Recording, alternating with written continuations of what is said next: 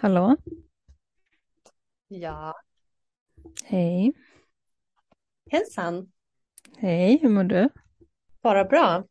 Jag tycker att det ska bli spännande att få höra vad du har att säga om eh, ensamhet eller på det temat. Eh, vill du hoppa in på det på en gång? Vad säger du? Ja, det kanske är lika bra. Jo, vad ska vi säga annars? Jo, Nej, jag tänkte bara om du hade någonting, något kul som har hänt eller något särskilt. Annars kan vi köra, det är ingen fara. Jag tänkte bara kolla om du har fått några nya insikter eller om det är något astrologiskt eller något sånt där. jo, så här då. Jag har landat ganska väl i en ny morgonrutin. Apropå det här med dopamin och att Merkurius har varit i retrograde som slog i mitt sjätte hus, som det så fint heter. Vilket alltså handlar om området i livet som har att göra med våra vardagsvanor. Så att, du vet, i takt med kosmos så är jag nu ganska landad i nya rutiner. Mm. Ja, jag tyckte jag läste någonting om kalldusch eller något sånt där. Just det! Ja, jag, eh, jag duschar iskallt nu. De, inte alla morgnar, men de allra flesta. Då tar jag sådana här iskalla duschar. För då får man ett dopaminpåslag efter det, du vet. Inte bara, inte bara i stunden, men det är som en slow burn dopamin under liksom flera timmar. Vilket gör det mycket lättare då att känna motivation, fokus, koncentration och sådär. Och dessutom så är det jättebra för, för hjärtat och liksom A, B, C, en hel del grejer. Och vet du vad? Det lustiga är att det är ju jobbigt såklart att ställa sig under det där iskalla vattnet. Men nu när jag har hållit på ett litet tag så känner jag att jag kan crava. Jag kan crava de här kalla duscharna nu på samma sätt som jag cravade typ snus och cigaretter och sådär när jag var yngre. Det är samma, det är samma grej du vet. Mm.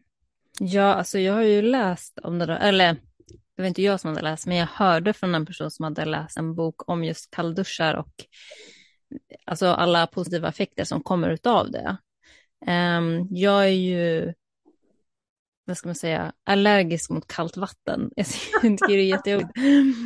Men man har ju hört om, för jag hade en kompis som också gav sig in på det och sa liksom att man vänjer sig på något sätt, eller det, det är obehagligt i början, men sen kommer man liksom in i det och sådär.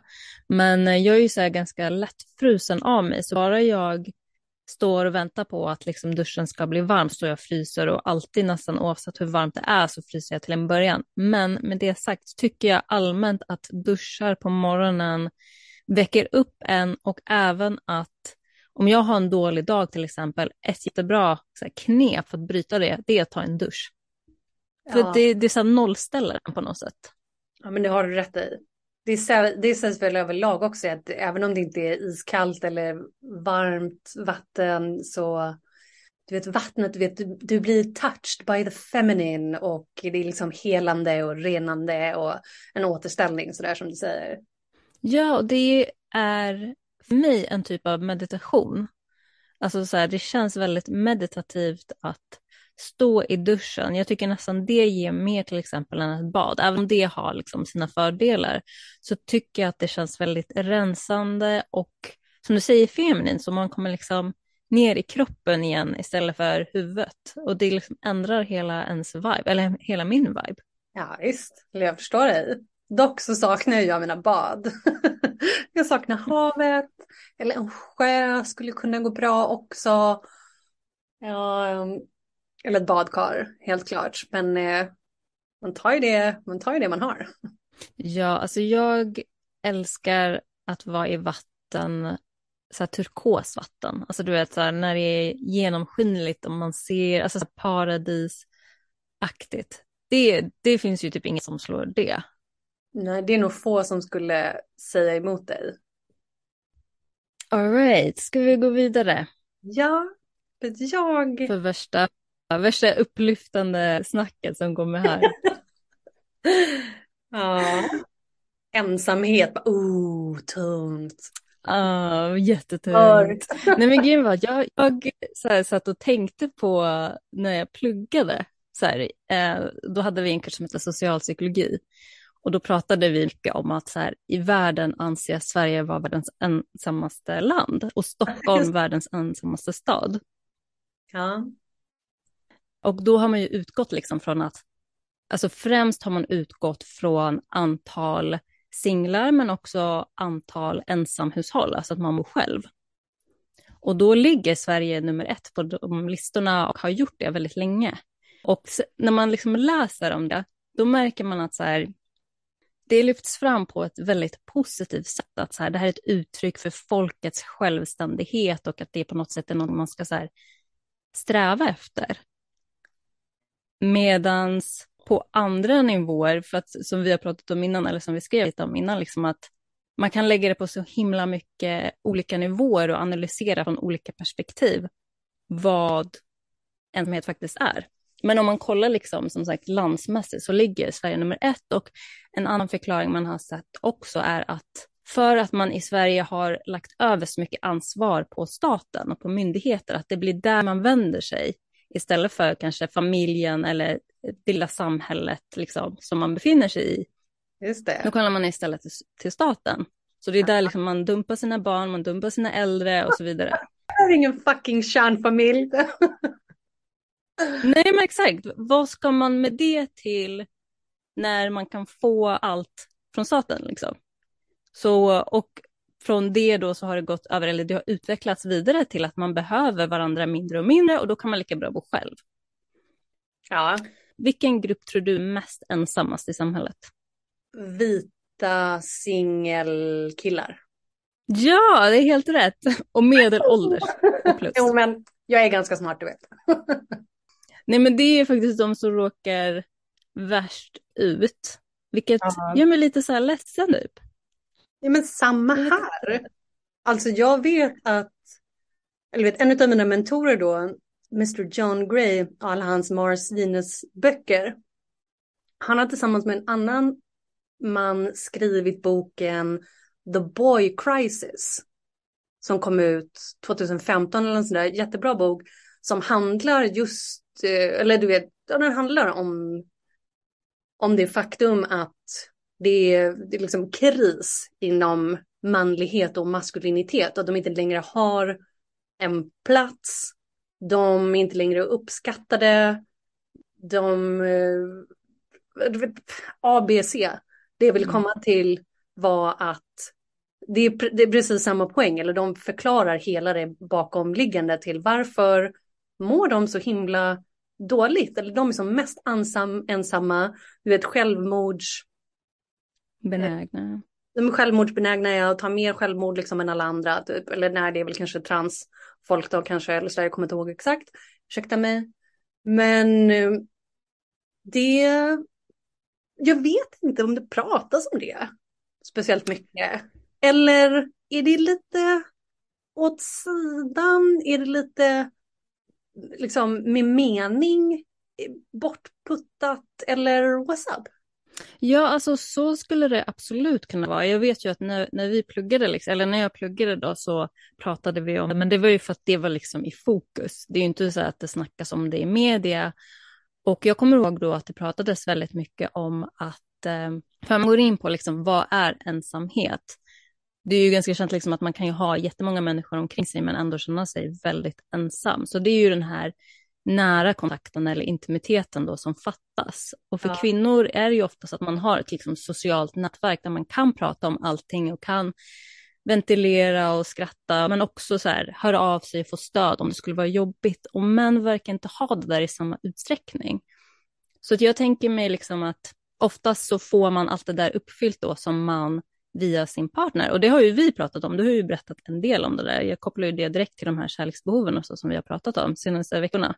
Och då, om man inte får liksom intimitet, behovet, alltså känslomässigt, mentalt, men också fysiskt, om man inte får det uppfyllt alls och samtidigt inte känner att man har den här maskulina rollen av att kanske ja, men försörja någon annan eller bidra med trygghet till någon annan, då kanske man inte har så där jättemånga ben att stå på, tänker jag. Nej, visst. Det här går så fint över, eller tillbaka till att jag har läst flera böcker om dopamin senaste veckorna. För då har jag också, då har jag också liksom suttit här och tänkt att gud det är så lustigt eh, det här med dopaminet. För det är som vetenskapens språk gällande maskulin energi. Där dopaminet är alltså vår motivation, det som måste göras och det som liksom ger oss ett driv. Det som gör att det liksom händer någonting. Och du vet om det slår över och liksom blir för mycket och inte balanseras med det som de kallas för here and now, alltså här och nu hormonerna. Som a.k.a. feminin energi, att jag liksom, åh jag är så tacksam, allt känns bra nu i stunden och du vet, åh det är så fint och bra. Om de där två inte kommer i balans med varandra, alltså då blir det ju knas. Eller om vi bara har dopaminet, då hamnar vi ju där som vi precis pratade om, liksom ADD, ADHD, att allt man ska bara vidare, man ska bara nästa, du vet fastna med data, tv-spel, hypersexualitet, porr, du vet man behöver inte någon, det handlar bara om att typ åstadkomma någonting, vet, men man, man är aldrig nöjd med det man har åstadkommit, alltså de där, de där typerna av eh, liksom, livsstatus.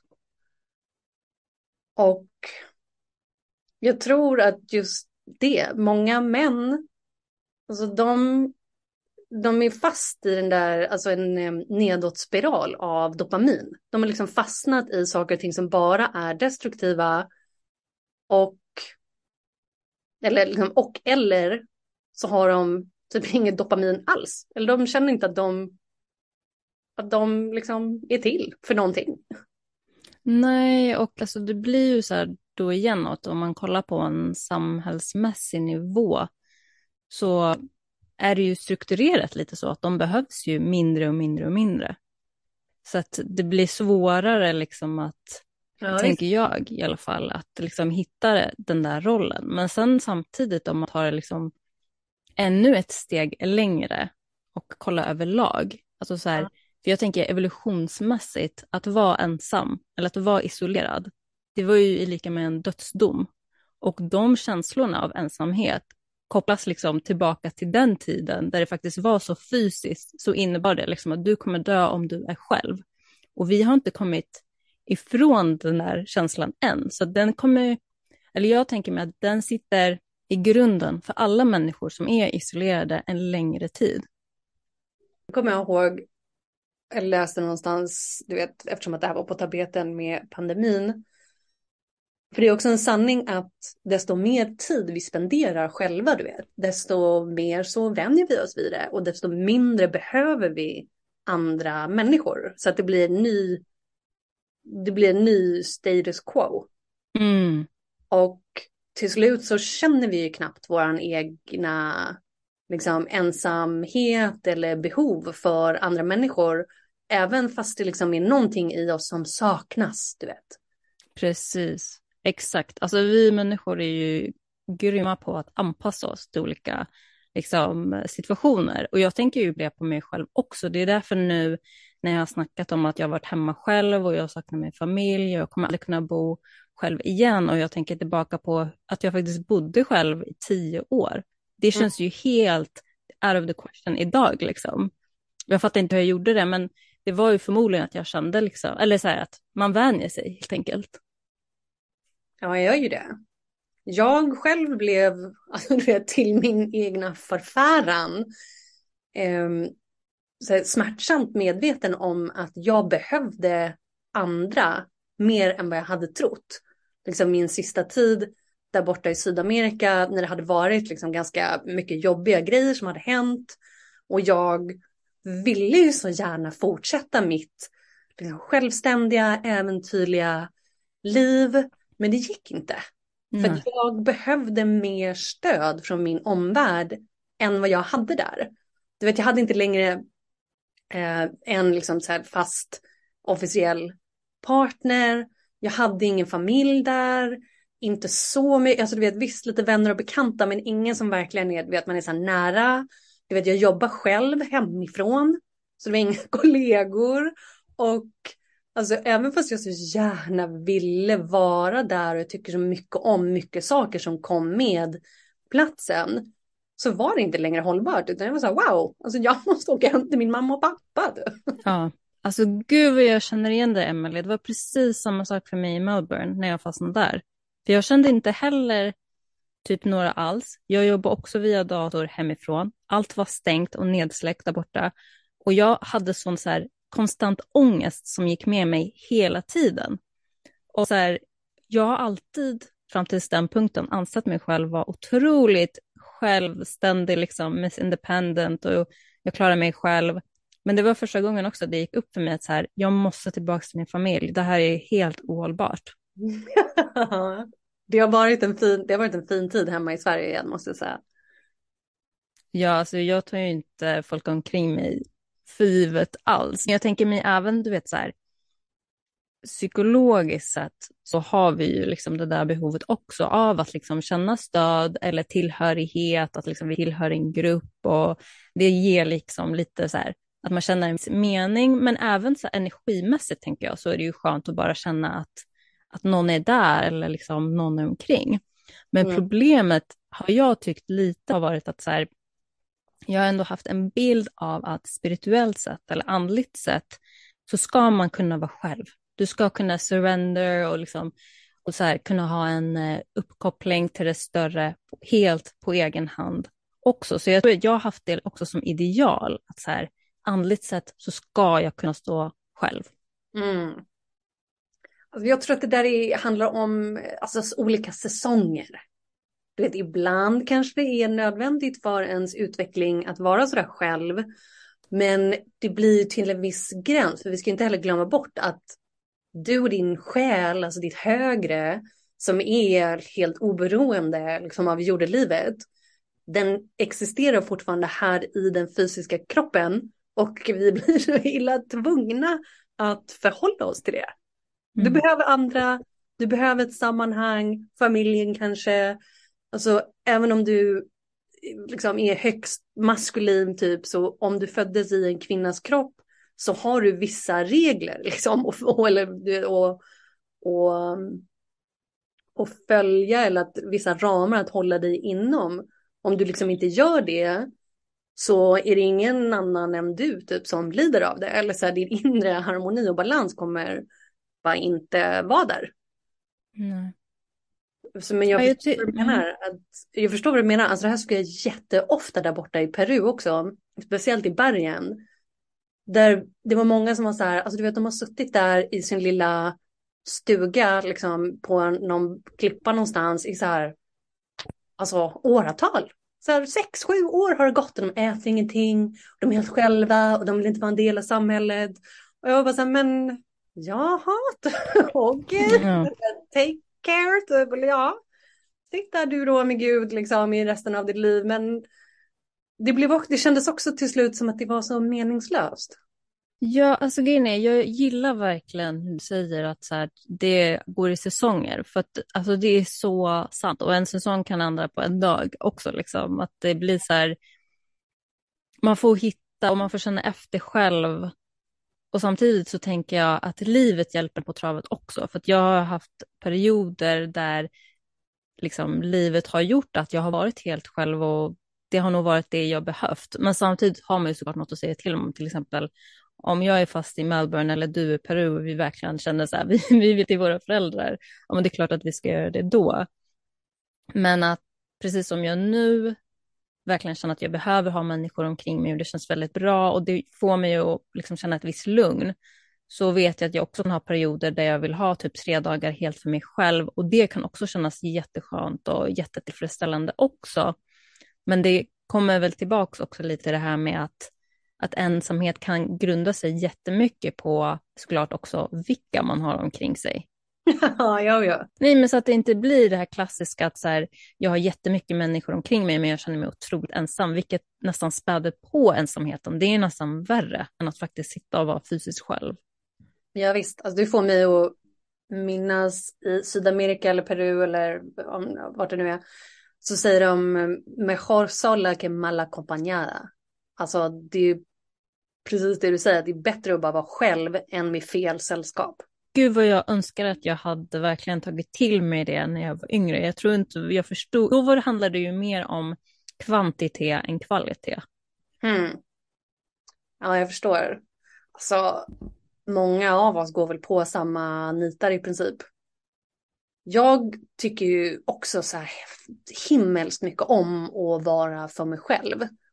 Men då tror jag också att det ska göra skillnad på att vara själv och att känna sig ensam. Det är liksom inte riktigt samma sak. Nej, verkligen inte. Alltså det är ju natt, eller det är ju inte natt och dag, men att där, okej okay, om jag frågar så här, vad, vad tycker du är skillnaden mellan att vara ensam, eller så här, vara själv och känna sig ensam? Det är nog att inte ha möjligheten till umgänge och närhet när du väl känner att du behöver det. Mm. Då blir det ensamt. När du känner dig ensam, kan du komma ihåg sist du kände dig ensam? Eller var det i Peru? Ja, alltså jo. Nej, alltså nej, jag kände mig nog egentligen inte speciellt ensam i Peru. Det var bara inte som sagt rent hållbart så praktiskt liksom, vilket jag fortfarande typ är ledsen över. Du vet.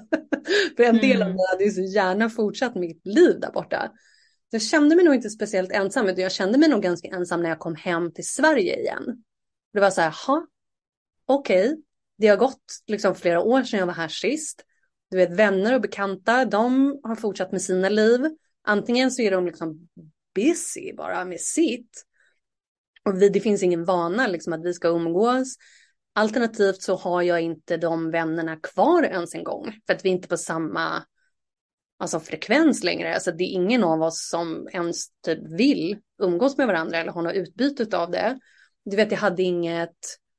Eh, ar alltså arbetslivet, där hade jag inte heller något sammanhang när jag hoppade in på, på en av mina gamla restauranger och extra knäckte just typ bara för att få det sociala. Alltså jag mm. visste att jag så här, shit, jag måste träffa folk, alltså jag måste vara ute med, med andra. Så det har hjälpt jättemycket, du vet. jag tycker det är så himla trevligt du vet, att jobba där. Så den första tiden var nog snarare så här, men du vet lite identitetskris, jag har varit borta så länge, nu är jag tillbaka, alltså hur ska det gå med att vara entreprenör och ha egen firma, då, då var jag nog ensam. Jag hade lämnat någon kille där bakom mig igen och var så här, lite lätt ofrivilligt singel igen och så här, det, då var jag ensam. Ja, alltså jag tänker, eller det jag tar från din upplevelse för jag tycker det är så fint att du sa att men, du liksom tog dig in i ett socialt sammanhang igen, för det är väl typ bland det viktigaste man kan göra för sin egen skull, liksom att kunna vara bland folk där det inte behöver vara så jätte, alltså ibland kräver man ju inte så där jättemycket för att det behovet ska stilla sig, liksom, utan det kanske räcker med att så här, jag har ett jobb, jag är runt bland människor och jag känner att jag gör någonting meningsfullt för någon på något ja. sätt. Liksom. Alltså jag känner typ mer att jag här, brukar inte så där jätteofta känna mig ensam, men en av de värre liksom, perioderna, det var faktiskt när eh, alla omkring mig började ta en viss spruta. alltså. Ja, och jag valde att inte göra det, men det var inte bara det, utan det var att det var så många omkring mig som sa vi kommer inte göra det, vi kommer inte göra det, och sen till slut var det bara jag som stod där och faktiskt inte gjorde det. Alla omkring mig gjorde det. Och då kände jag mig lite ensam, för det, det tyckte jag på något sätt handlar om en, en slags grundvärdering, inte grundvärdering, men grundvärldssyn som jag trodde överstämde med folk omkring mig, men sen insåg jag att nej, men vi är nog inte helt på samma nivå ändå. Och ja. det kändes väldigt ensamt liksom. Nej, jag bara säger det att det är fullt förståeligt.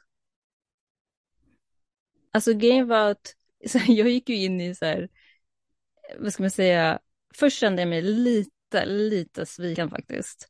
Men sen gick jag raka vägen in i, nu behöver jag nya vänner. Alltså jag verkligen var så här, så fokuserad på att bara så här, ge mig ut i världen och träffa folk som är som jag. Och det gör det också lättare att umgås med folk där man kanske inte har samma världssyn. Man kan ju ha det trevligt ändå liksom på någon nivå. Men att bara umgås med folk som inte har samma världssyn, det blir, det blir typ skadligt i längden. Man måste ha det motsatta liksom för att balansera ut ens egen upplevelse. Det tror jag. Vi vill, vi vill ju i alla fall till viss del eller till, till en viss nivå få alltså bekräftelse på alltså vilka vi är, hur vi tänker, tycker, känner och sådär. Och igen tillbaka till det att känna att man hör hemma någonstans. Och om vi inte mm. känner att vi hör hemma någonstans, ja då blir det ju som sagt ensamt. Ja, ja precis. Det, jag tycker du verkligen har en så bra poäng i att så här, en del i att inte känna sig ensam handlar ju om att man blir bekräftad. Alltså jag blir bekräftad i min syn på saker, jag blir bekräftad för mina känslor och att någon liksom speglar en positivt sätt. Och det blir ju verkligen så här nyckeln i att ja, men inte känna sig ensam. Och sen tänker jag liksom att i dagens värld där vi har internet, då är det ju ganska lätt att hitta, eller det finns så många onlineforum och mötesplatser där man kan hitta likasinnade för precis allting och verkligen så här, utnyttja det till max. Ja, det, det, men det tycker jag. Samtidigt som vi vill nog balansera det hela och se till att vi har vissa relationer som finns i det fysiska eller vissa sammanhang. Typ jag då på min mm. restaurang. Alltså, vi är inte så jättegoda vänner, jag och alla de kollegorna och då jag vet definitivt en hel del av dem har tagit den där sprutan då och så skulle vi tycka att jag är så här, alltså helt tokig liksom om jag om jag bara öppnade mig och delade allt allt eh, allt om min världsuppfattning och sådär. Mm. Men eh, det, liksom, det går alldeles utmärkt för oss att vara kollegor och så sköta, sköta en restaurang på dagarna. Vet, det går jättebra. Du vet, man måste inte... Jag känner inte att jag behöver ha liksom, det, den andra typen av bekräftelse från dem. Nej, precis. Alltså man får ju man får lägga saker på olika nivåer och så här, att man är kollegor och inte delar samma världssyn och har samma värderingar behöver inte betyda att det inte är ett värdefullt utbyte för det. Det kan det såklart också vara. Liksom. Men jag, jag, tror att om du till exempel bara hade de kollegorna och inga djupare relationer omkring dig, då tror jag att det hade blivit lite, lite tufft. Jo, hundra procent. Alltså det... även, för då, då blir ju kollegorna också liksom en slags påminnelse om vad du inte har. Jag tror att det är det som sker hos människor ja. som liksom, de har folk omkring sig men som känner sig ensamma. Ja, visst. Och det var lite som du säger, många av oss får nog lära oss den hårda vägen, eller vissa lär sig typ aldrig, att det handlar om kvalitet över kvantitet. Så samtidigt som så här, okej, okay, jag balanserar mitt liv här med att ha ett sammanhang någonstans där jag gör lite nytta, jag är behövd, jag kan, du vet, heja, morsa på folk. Så sen behöver vi också den, alltså det, det mer intima. Alltså vi kanske vill ha en romantisk partner, vi kanske vill ha ett par stycken goda vänner också. Men då ska vi minnas det att det behöver inte vara så många. Du vet, alltså en eller typ två personer räcker gott och väl, eller det räcker ganska långt. Du kommer ihåg min väninna Sarah sa till mig som också är, du vet, alltså hon är så vis och är 60 nu. Hon sa till mig, hon bara, men alltså Emily, om du har typ en eller två personer i ditt liv som du känner att så här, jag kan verkligen lita på dem, de är där för mig när jag behöver dem eller när jag krisar och sådär, jag kan vända mig till dem. Alltså då är du lyckligt lottad. Förstår du hur många människor som knappt har så en person i sitt liv som de känner verkligen finns där för dem. Och det var så, alltså, det var så sant. Mm -hmm. Det är tror... verkligen så sant. Det är lätt att ta för givet det där. Det är lätt att ta för givet och vi tror att allt ska handla om men du vet hur det ser ut på, på ytan och något så stort socialt liv och man ska vara någon och bara bla bla bla bla liksom. Mm. Alltså jag tänker liksom att det är så sant, alltså om man har liksom en eller två stycken så räcker det gott och väl samtidigt som jag tänker ju på de som inte har det. För att nu när du säger det så blir det väldigt uppenbart för mig att om jag inte hade de här absolut närmaste Alltså jag har fått typ svårt att andas bara jag tänker på det. För att vad, vad gör man då? Vad skulle du ge mig som tips då? Jo, då skulle jag ge dig som tips, alltså som jag själv har tagit som tips eller rådet jag själv har tagit av alltså, äldre. Det är att alltså, se till att du har ett socialt liv. Där du träffar människor face to face. Mm. Restaurangen, typ jag sjunger i kör med massa gamlingar. Där det ändå, du vet, där man kan ge sig själv i alla fall möjligheten att skapa en relation med någon. Som, mm. och du vet, och sen får vi väl se, du vet. Ja.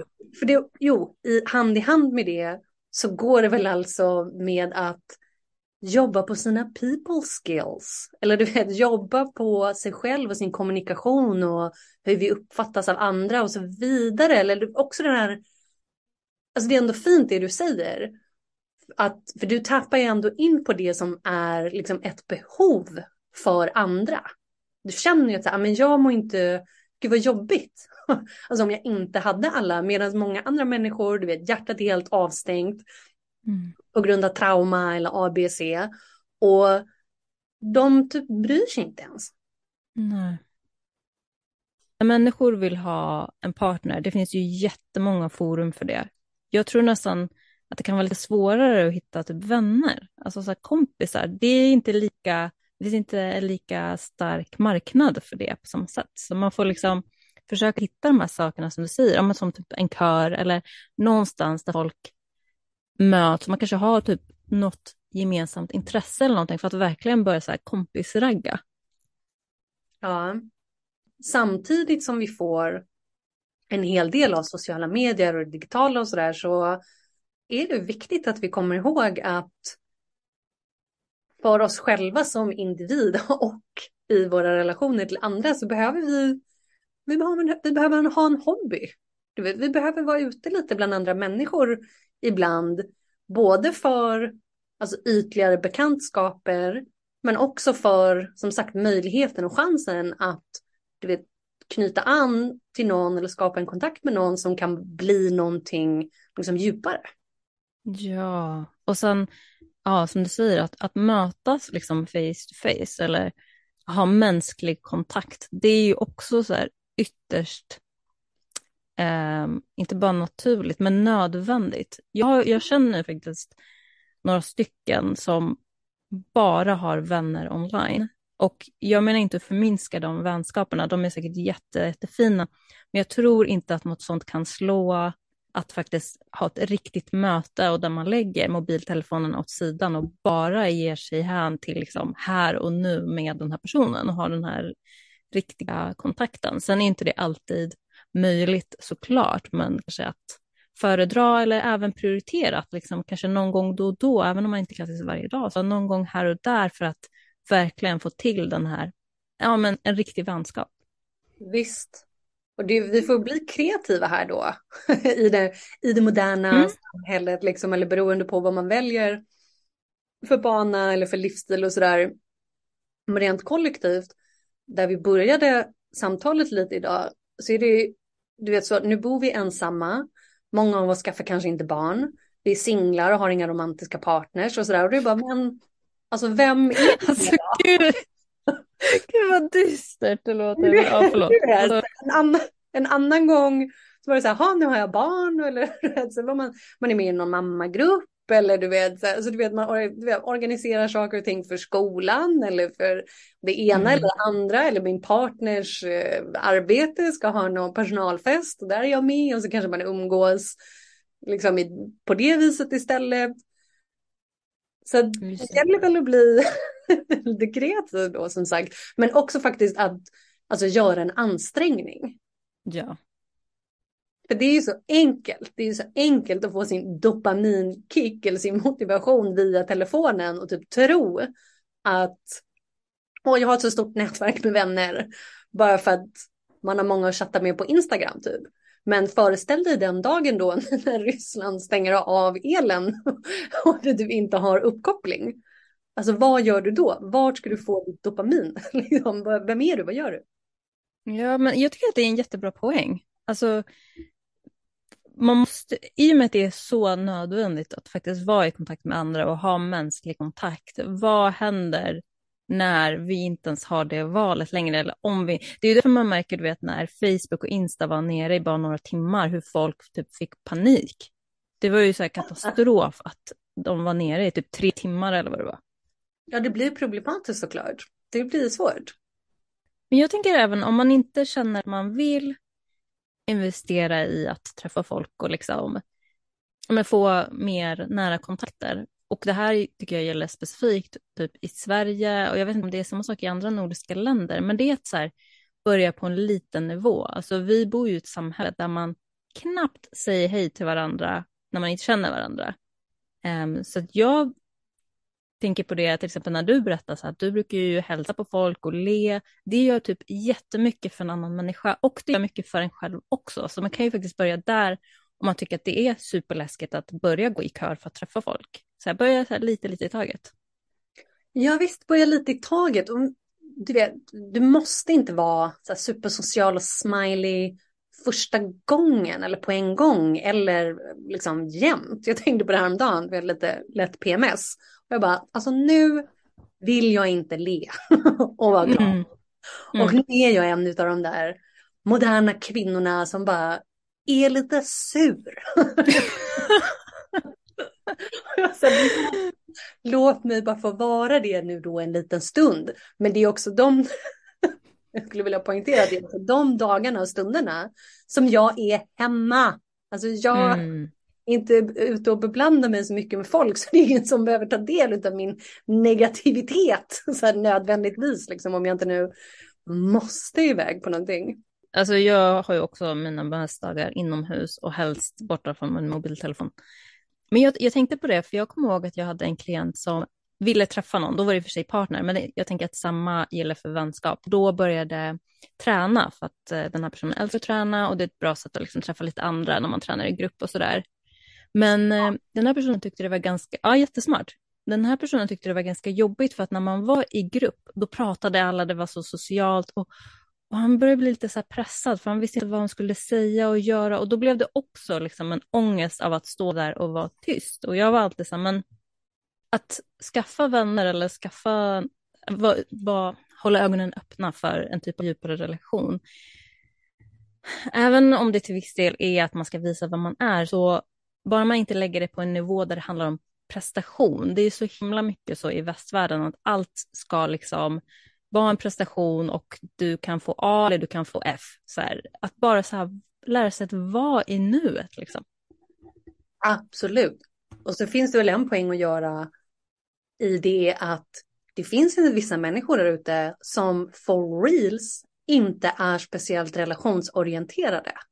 Mm. Alltså de får inte ut jättemycket av att ha så nära kontakter med andra. Du vet, man kanske faller på autistspektrat eller whatevs liksom. Och om du på riktigt är en sån person då måste inte du vara med i en kör. Alltså du må, det är okej okay att mm. du gör ditt. Och det är liksom också helt okej. Okay. Då är vi bara tillbaka i det som handlar om att på riktigt liksom hitta det som är vårt autentiska jag och vårt autentiska uttryck. Och sen hur det då är, då, det spelar ingen roll hur det är. Så mm. länge det är din sanning, då är det toppen. Ja, men precis. Alltså vi är alla otroligt olika och som du också var inne på, så vi kan ju ha olika perioder där det ser väldigt olika ut. Det blir problematiskt så fort man tänker att det finns bara en mal för alla i alla situationer som ska följas, utan det handlar ju liksom om att konstant vara i kontakt och kommunicera med sig själv om vad man faktiskt behöver och inte behöver. För att vissa tror jag också faller in i till exempel, ja, men jag har bara tre kompisar, de flesta har i genomsnitt tio. Oj, okej, okay, då kanske det säger något om, om mig. Och det i och för sig, visst, det kanske det gör, men har du no verkligen något behov av det? Alltså var, vad är motivationen liksom egentligen? Och så får man väl ta och vara ärlig med sig själv. Definitivt, alltså jättebra. Och det finns en poäng i att säga också att vi måste inte, om det tar emot av någon anledning att vara ute och skapa nya kontakter och träffa vänner eller kollegor, what else. Det funkar lika bra med någon typ av alltså terapeut, psykolog, coach, någonting, någonting. Och då, för då tycker inte jag att vi ska säga, ah, men då är så pengar inblandat och du vet, nej, det är inte på riktigt och sådär. Men det är på riktigt att känna liksom stödet.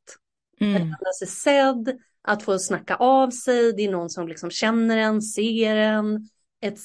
Det är visst valid. Det gör ingenting att det är en så tjänst för pengar. Det är bara, det är en win-win liksom. Den går jättebra den med.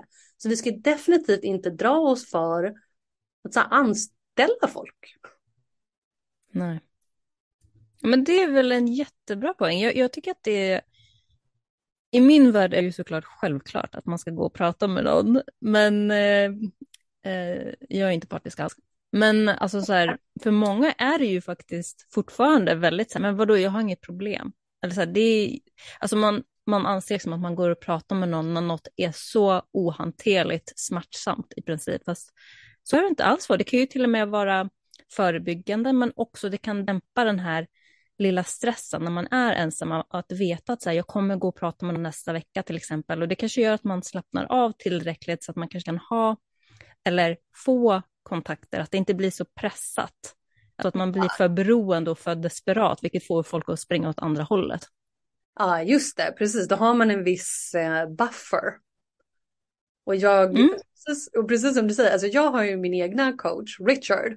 Och alltså jag pratar med honom i mitt huvud hela tiden. Mm. konversationer med honom hela tiden innan vi faktiskt har våra möten. Och jag vet att vissa, eh, de som jag har coachat också, de säger samma sak. Att de typ tänker mig, de pratar med mig så här, även när det inte är tid. ja, det tänker jag om något är ju ett tecken på att man litar på och uppskattar sin coach, liksom. Att, eller den man nu pratar med. Ja. För då finns ju de någonstans där bak. Ja, men det är så skönt också för då det, det, det som jag har inom mig som är liksom det mest negativa. det säger jag till Richard i mitt huvud. Då känner jag liksom att jag har fått ur mig det lite grann. Ja, och där, det är ju typ det man ska passa på med när man faktiskt betalar någon tycker jag. För att då, då är det ju bara så här, let loose. Han bara ös, ös på. mm. Vet du han eh, John Gray säger också som alltså du vet, under större delen av sin, eh, sitt arbetsliv så var han alltså parterapeut eller parrådgivare och sådär. Och det är därifrån han har så mycket av all liksom, den här kunskapen och förståelse då för män och kvinnors olikheter. då brukar det jättemycket kvinnor nämligen säga till honom så att de bara, men alltså med John, eller John, med dig så är det så annorlunda. Alltså med dig kan jag liksom bara prata på och du är så förstående och du lyssnar på mig. Alltså varför kan det inte vara så här med min kille? Varför är det inte så här med min man? Det är så enkelt med dig. Och han bara, ja, men du, jag får ju betalt. Mm. ja, det är klart att jag kan sitta här en timme och lyssna på dina problem och din negativitet och ditt ältande. För du betalar ju mig. Alltså om jag ja. inte fick betalt, det är väl klart att jag skulle sitta här. Så du måste, liksom, vi måste minnas det här i våra relationer. Alltså vi kan, du vet, de som är där, våra killar då till exempel. Alltså det är inte menat att de ska ta allt. För det är väl inget kul? Eller så här, det är ju bara, det är inte, du vet, de ska inte behöva stå ut med allting hela tiden bara för att vi är ju tillsammans. Nej men precis, jag tänker enda, alltså i enda liksom, typ av relation där jag skulle kunna se att ja, men det där är okej, det är att om det är two way street på något sätt, antingen att så här, båda pratar av sig lika mycket och lika neggiga eller något annat typ av utbyte, liksom, för att annars kommer det bli rejäl obalans och jag tycker inte det är schysst att göra så mot någon. Nej, men det är klart. Det är klart att man ska kunna snacka av sig både med sina vänner och sin romantiska partner. Men som du säger, det får ju vara något så här ge och ta och lite balans. Det är kul i alla fall. ja, men då börjar det bli dags att runda av. Det börjar bli dags att runda av ja. Men kom ihåg Mm. det att eh, håll inte, håll inte emot när du anlitar ett proffs. Utan då, då är det okej att få ut Ja. allt det värsta. Toppen. Då hörs vi snart igen. Ja, det gör vi. Ha det bra.